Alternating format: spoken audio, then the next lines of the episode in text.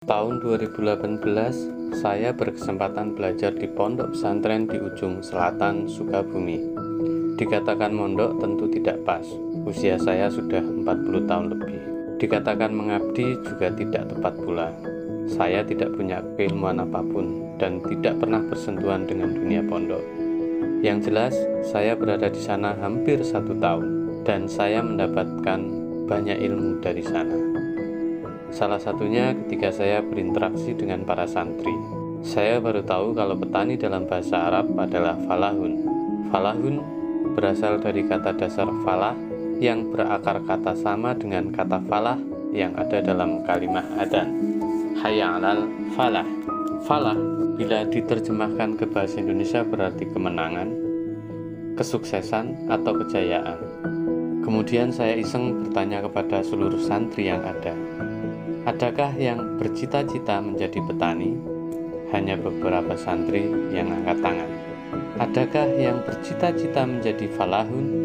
Semua santri angkat tangan. Artinya, semua ingin menjadi falahun, sementara menjadi petani sedikit, hampir tidak ada. Semua ingin menjadi pemenang, tapi menjadi petani sangat sedikit, hampir tidak ada.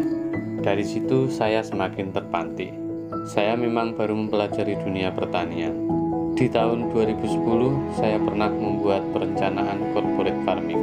Dari angka hitungan yang saya bikin, ekspektasinya bisa mencapai PIB dalam waktu yang cukup singkat untuk sebuah perusahaan besar, yaitu 2 tahun.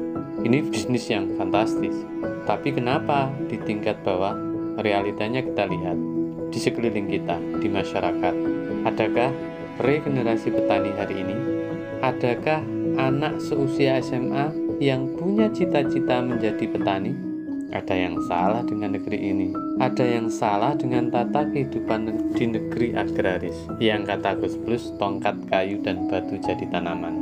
Kalau bapak atau kakeknya petani, pasti berpesan pada anaknya, Nah, besok kamu belajar yang pinter, biar tidak kayak bapak.